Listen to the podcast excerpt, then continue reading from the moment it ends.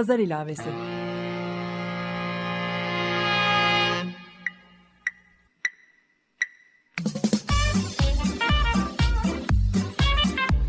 ...1936'dan günümüze 80 yıllık bir zaman tüneli. Hazırlayan ve sunan Didem Özbek.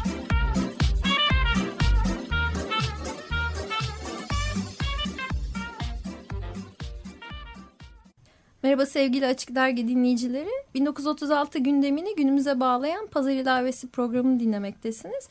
Ben program yapımcınız Didem Özbek. Mayıs 2012'den beri üzerine çalıştığım çok katmanlı bir görsel sanat projesinin sözel çevresini Açık Radyo'da sergiliyorum. Pazar ilavesinin son bölümünde sanat tarihçi Burcu Pervanoğlu ile başladığımız 1930'lu yıllarda İstanbul sanat ortamı üzerine konuşmamız bir anda Mehmet Aksoy'un insanlık anıtı ve onun üzerinden Hollandalı sanatçı ikilisi Walter Oosterholt ve Elke Utentius'un insanlık anıtı yardım eden eller işine gelmişti. Bu sohbet sırasında objektif bir sanat tarih yazımı için biz sanatçılar sanat tarihçilere nasıl yardım edebiliriz soruma Burcu Pervanoğlu samimiyetle bir araya gelip konuşma önerisinde bulunmuştu. Bunun üzerine ben de tüm cesaretimi toplayıp Mehmet Aksoy'la tanışmaya ve onu ve Burcu Pervanoğlu'nu tekrar stüdyoda buluşturmaya karar verdim. Böylece bir samimi sohbet gerçekleştirebilir miyiz onu da görmek istiyorum açıkçası. Bu sebeple geçen hafta duyurduğum gibi Bülent Erkmen'i bu hafta değil e, ancak bu sanat tarihi yazımı üzerinden gelişecek tartışmamız bitince konuk edebileceğim. Şimdi bugünkü stüdyo konu konuklarımı tanıtmak istiyorum. Doçent Doktor Burcu Pelvanoğlu geçen haftaki konuğum aynı zamanda Mimar Sinan Güzel Sanatlar Üniversitesi Sanat Tarihi bölümünden. Mehmet Aksoy'un insanlık anıtının yıkıldığı dönemde AYKA Türkiye Sanat Eleştirmenleri hı hı. Derneği Başkanıydı. Halen Paris'te merkezi bulunan Uluslararası AYKA'nın da yönetim kurulu üyesi. Water ve Elke'nin işleri üstüne de yazdığı bir yazı var. Diğer konuğum Mehmet Aksoy ise en sert malzeme olan mermerin taşın ustası. Onu sabırla yontan, özenle şekil veren, Türkiye'de heykel sanatının öncü isimlerinden bir heykeltıraş. Yapım aşamasında yıkımı gerçekleşen İnsanlık Anıtı isimli çalışması sebebiyle de maalesef adını davalar sürecinde sık sık duyduğumuz bir isim. Ben Didem Özbek, Pazar İlavesi'nin program yapımcısı ve kavramsal projeler gerçekleştiren bir sanatçıyım. Pist disiplin arası proje alanı kurucularındanım. 2011 yılında Hollandalı sanatçı ikili Osterholt ve Utentius'u Türkiye'ye davet eden kişiyim. Tabii ki onları davet ederken hani gelin de Mehmet Aksoy'un yıkılan heykeli üstünden yeni bir iş önerin diye davet etmedik. Water'la Elke'nin diğer işlerine bakarsanız eğer tartışmaya açık konular üzerinden ölçekli maketlerle katılıma açık işler üreterek ortaya çıkan diyaloğu yeni bir tartışma ortamı yaratmak için kullanıp sergiliyorlar. Onların İstanbul'da olduğu dönemde bu yıkım ve anıt üzerinden gündem çok hararetliydi ve onlar için de bu konu çok cazipti. Bu sebeple böyle bir iş ortaya çıktı. İş 2011'de üretilmişti. Bundan iki sene sonra 2013'te 13. İstanbul Bienalinde işin dokümantasyonu sergilendi. Yine bu konuyla ilgili geçen bölümde konuşmuştuk Burcu Pelvanoğlu'yla. Şimdi ben hemen sözü Mehmet Aksoy'a vermek istiyorum. Sizi genelde mermer heykellerinizle tanıyoruz ve insanlık anıtı kariyerinizdeki belki de en büyük ölçekli heykeliniz olacaktı. Eğer bu anıt tamamlansaydı beton etkisinden nasıl kurtaracaktınız? Neyse bu kadar sorundan sonra bu beton etkisi biraz zayıf oldu. Basit. beton etkisinden kurtarmak kolay yani aslında beton etkisi de iyi olabilir. Bu o günkü duruma bakar. Ya formlara eğer ziyanı yoksa rengin hiçbir sorun değil. Onu biz dayanıklı böyle bir renkle beton rengiyle boyamak istiyorduk. E, daha iyi ışık alsın, ışığı daha iyi yansıtsın, gölgeler daha belirgin olsun. Dağla karışmasın. Çünkü belli ışıklarda Orada kale bile görünmüyor. Kayboluyor. Onu etkileyecek bir renk bulup e, öyle yapacaktık. O daha kalıptan çıktığı gibi duruyordu tabii heykel. Akışkan beton diye bir şey var. Doğa sıcağı dayanıklı. Çünkü orada soğuk sıcak farkı hemen hemen eksi ya 20 derece var. O şartlara dayanıklı bir malzeme olması gerekiyordu. Malzeme ne demek? Aslında malzeme ışık demek benim için. Heykel aslında kütleyi falan yontuyoruz diye geçer. İşte taşı yontuyor bilmem ne. Ben de geldiğim yer şurası. Ben diyorum ki kütleyi yontmuyorum, ışığı yontuyorum. Ben buraya geldim. Artık benim için hangi malzeme istediğim ışığı verebiliyorsa, yansıtıyorsa odur. Ben kendimi orada buluyorum. Çünkü benim çok hassasiyetlerim var form üstüne. Bir yerde ufak bir ışık kırılması olsa, buradan giderken bir çukur olsa yuvarlaklığın içinde o canımı sıkar. Onu görürüm. Işığa on bin kere bakarım ona. Gözüm yetmez, elimle bakarım. Çünkü gözün görmediğini elin gözü görür gerçekten. Bu duyarlılıkta çalışıyorum. Onun için Bütün bu eski malzemeleri de bilirim. Yani eski teknikleri de bilirim. Yani çekiç, muştan, taraktan, mucartıdan bilmem ne de hepsini bunlara vakıfım. Ve yeniliğe de hiç karşı değilim. Lazer kesimde kullanıyorum. Ayrı konu ama onları da biliyorum. Oradan oraya bir geçişim var. Eğer ben taşı yontarken o duyarsızlıkla yontarsam murcu çekici kullanmayı bilse, bilmesem lazeri hiç kullanamam. Taş kasabı olurum, mahvederim taşı. Anlatabiliyor muyum? Taşı bugün vidya uçlu böyle spiraller anasını ağlatıyor taşın. Ama benim niyetim o değil. Taşın üstündeki kabuğu kırmak. Kabuğu kırıp taşın etine dokunmak. Budur. Ve saygı duymak yapılan işe malzemeye. Malzemeyle bir sevişme ilişkisi gibi bir şey vardır. Anlamazsan olmaz. Malzeme yendim mesela yanlış bir şeydir. Ya bana dedi birisi eleştirmenin sanat tarihçi arkadaşlarından biri. Ya Mehmet ne biçim ya yontuyorsun.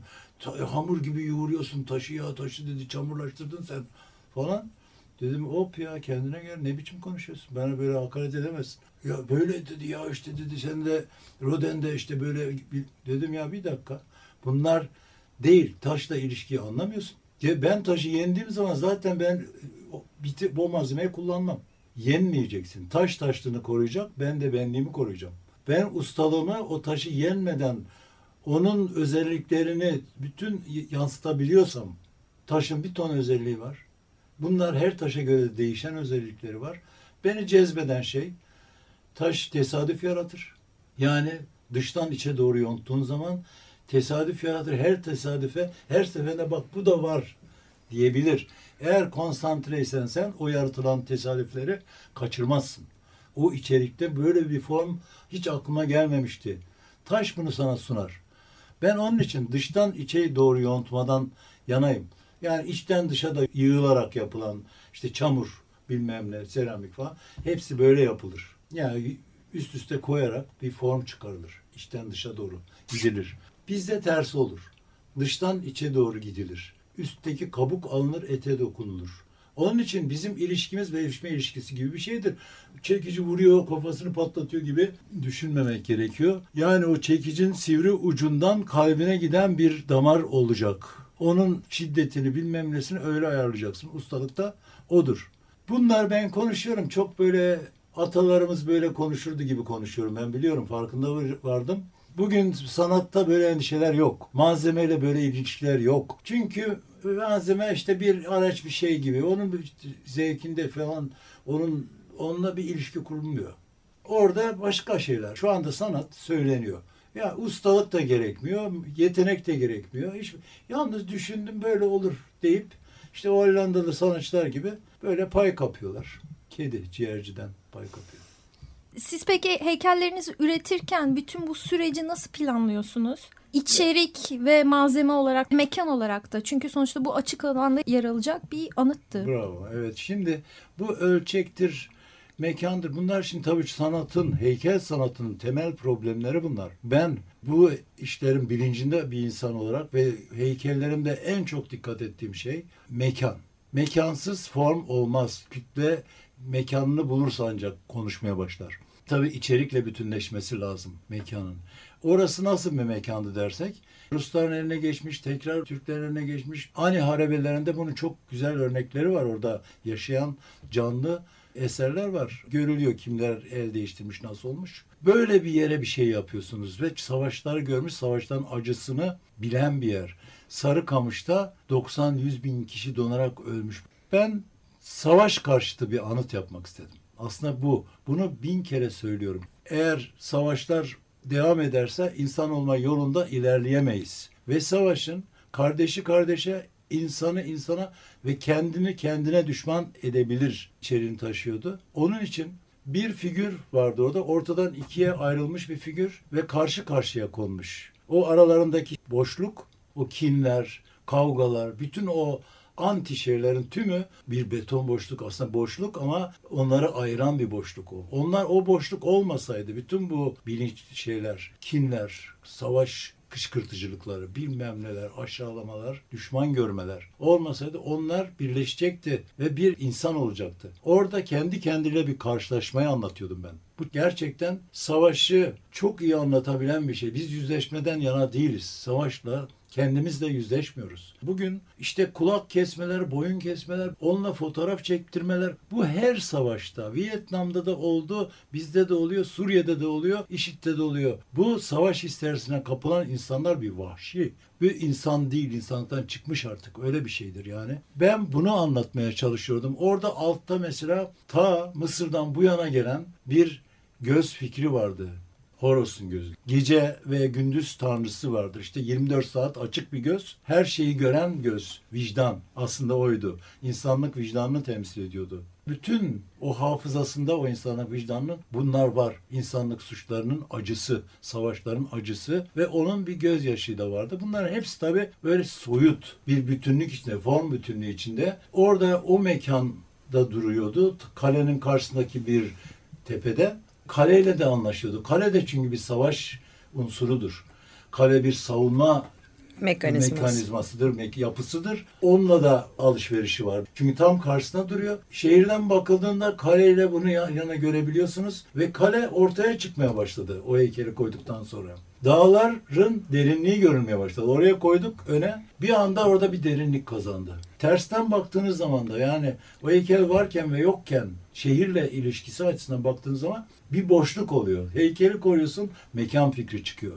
Önemli olan oydu. Orayı bulmak, o mekanı bulmak ve o içerikteki heykeli yapabilmek. Şehirden bakıldığında bir çekim alanı ya insanlar oraya gitsin isteği yaratmaktı. Onun için yollar yaptık, kaleye bağlantı yolları yaptık. Tam işte alt tarafı bitmemişti. İki figür bitmişti. Alt tarafta göz ve gözyaşı bitmemiş. Mekan düzenlemeler bitmemiş. Orada öyle bir yer yapıyorduk ki dağı da amfiteyatr gibi teraslayıp büyük teraslar haline getirip 10-15 bin kişinin sığacağı şehri seyrederken orada bir takım olaylar olacağı işte Kafkasya şenliklerini yapacaktık. Oradan dünyaya barış iradesini gösterelim istiyorduk. Bunun için yapıldı bu anıt. Ve mekanıyla gerçekten bütünleşti. Kars'a gelen her kişi oraya çıkmaya başladı. Karşı olanlar bile orada o anıtı tartıştık tabii. Onları anlattık. İşte bu Ermenilere barış mı eli uzatıyoruz? Yahu heykelin konusu budur. Savaş karşıtı tabii ki barış isteyen. insanlığa uzatılan bir eldir falan. Bu herkese bunu anlatıyoruz. Kahvede, yemekte, spora gidiyordum. Ben insanlarla kontaklarım çok iyiydi. Bütün bunları anlattık. Kurullardan geçti. Heykel öyle bir anda gece kondu gibi konmadı oraya. Yani Çekül var mesela. Oradaki anıtlar kurulu var. Onlardan geçti. Proje olarak gösterdik, takdim ettik. İçeriğini anlattık, çizdik, ettik. Hepsi belli. Gerçekten bir çekim başladı.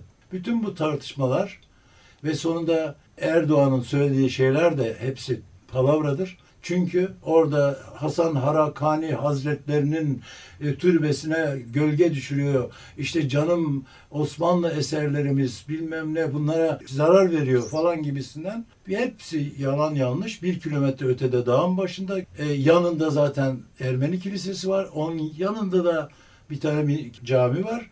Çok böyle hoş bir durum var orada aslında. Onu biz görüyoruz. Ve bu iki şeyin kavga etmeyip barışması orada da bir ikili var. İki karşı duruş var. Benim heykel de aslında öyle.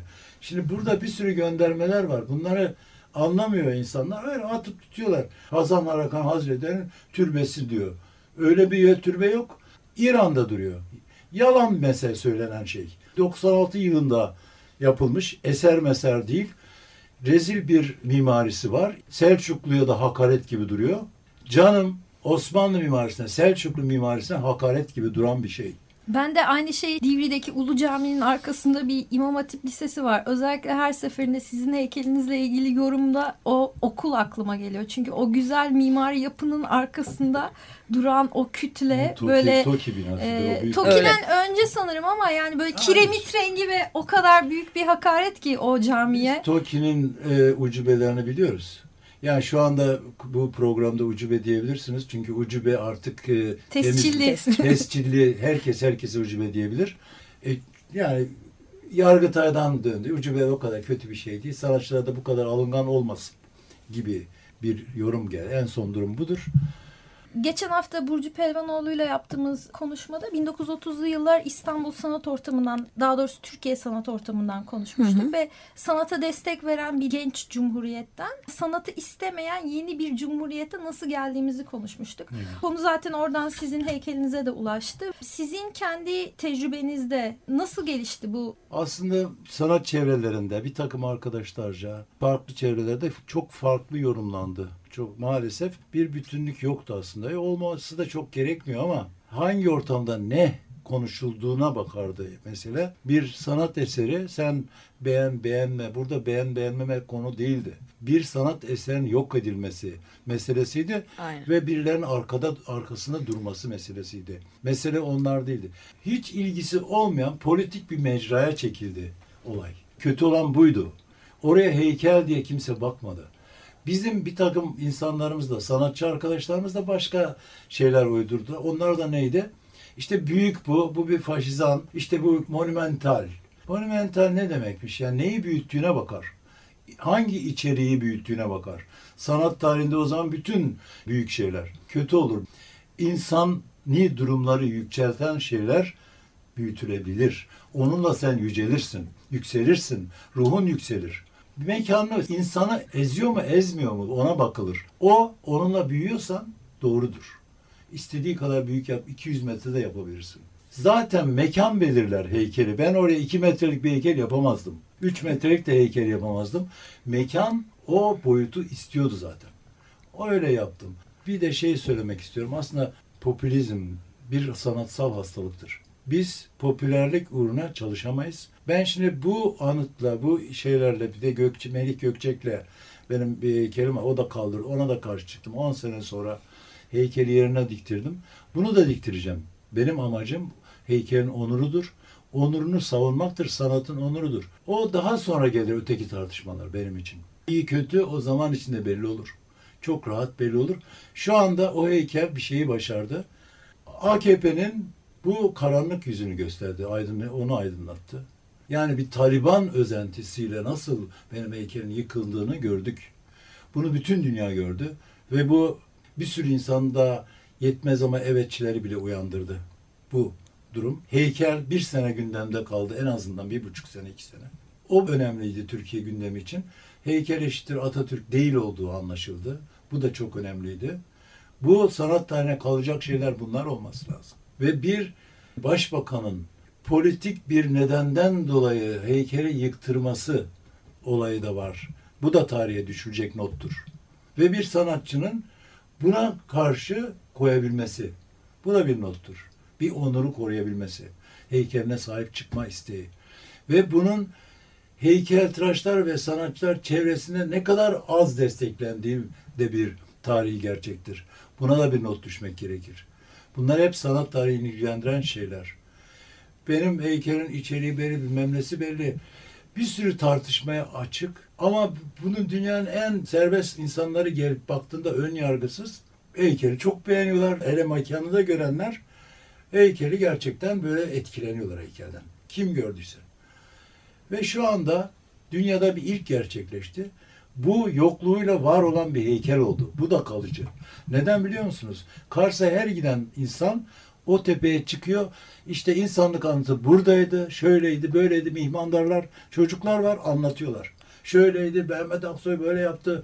Bir has, işte Kabil ile Habil'i yapmıştı. Bunlar birbirine kavga ediyordu, bilmem ne yaptı falan. Böyle anlatıyorlar. Para da alıyorlar 5-6 lira bilmem ne. Bu, bunlar devam ediyor şu anda. Oraya Kars'a gidip de o tepeye çıkmayan yok şu anda. Ne demek bu? Yok heykel ama var. İşte böyle bir şeydir. Sanatın gücünü gösteren bir şeydir. Sanatı pranga altına alamazsın. Hapsedemezsin. Fikri hapsedemezsin. Bugün Can Dündar bilmem kim hapislerde şimdi bu olmaz bir şey. Bunu çok denedi tarihte, sanat tarihinde diktatörler çok yaptılar bu işi.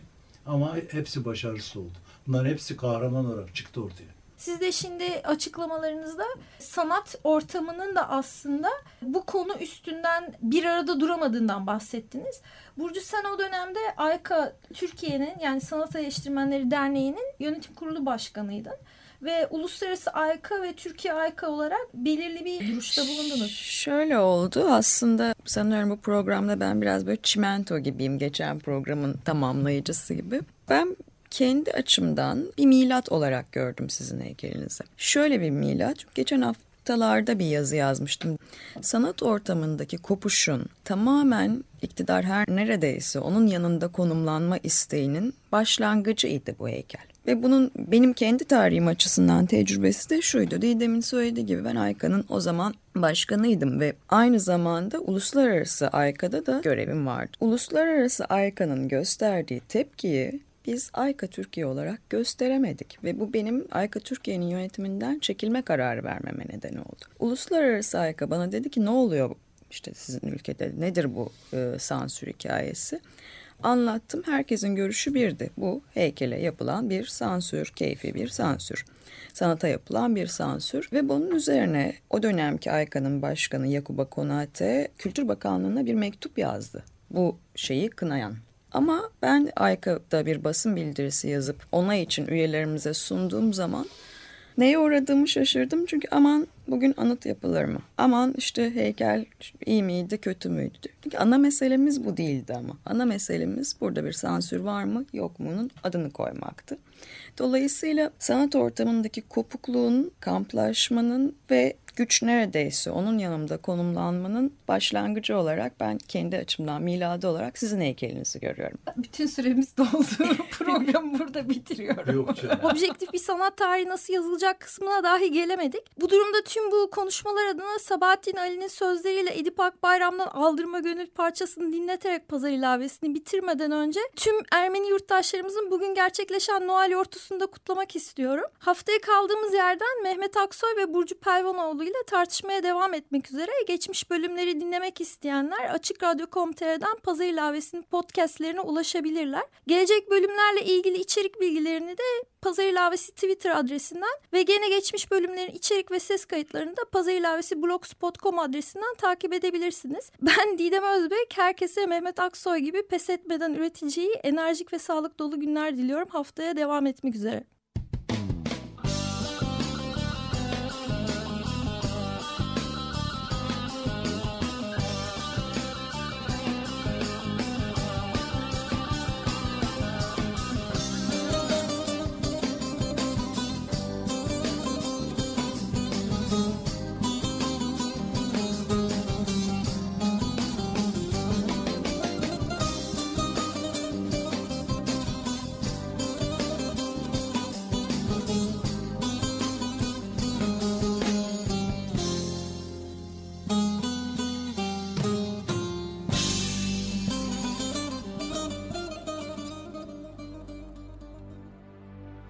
Başın öne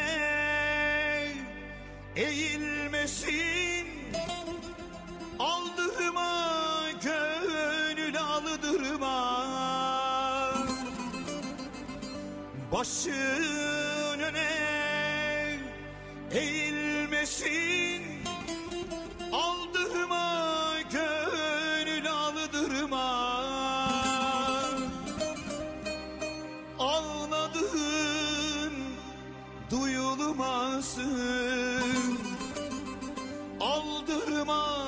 gönül aldırma.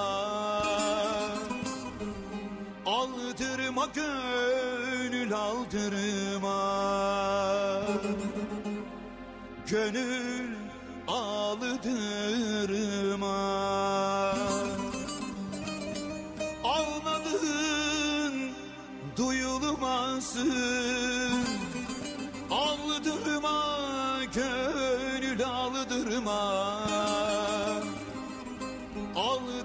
gönül aldırma Gönül aldırma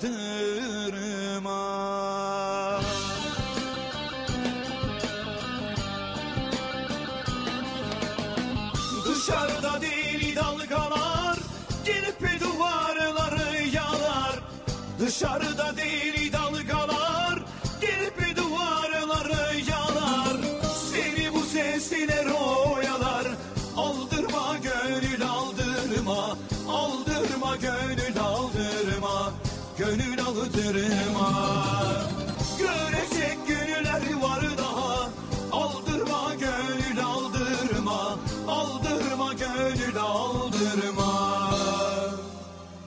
gönül ağlıdır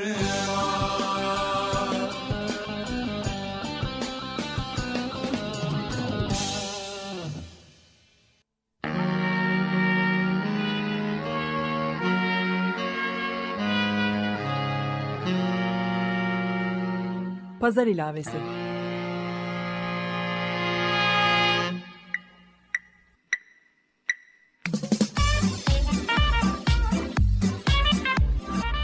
...1936'dan günümüze 80 yıllık bir zaman tüneli.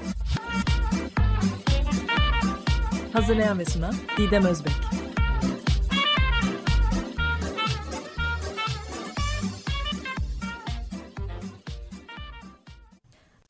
Açık Radyo program destekçisi olun. Bir veya daha fazla programa destek olmak için 212 alan koduyla 343 41 41.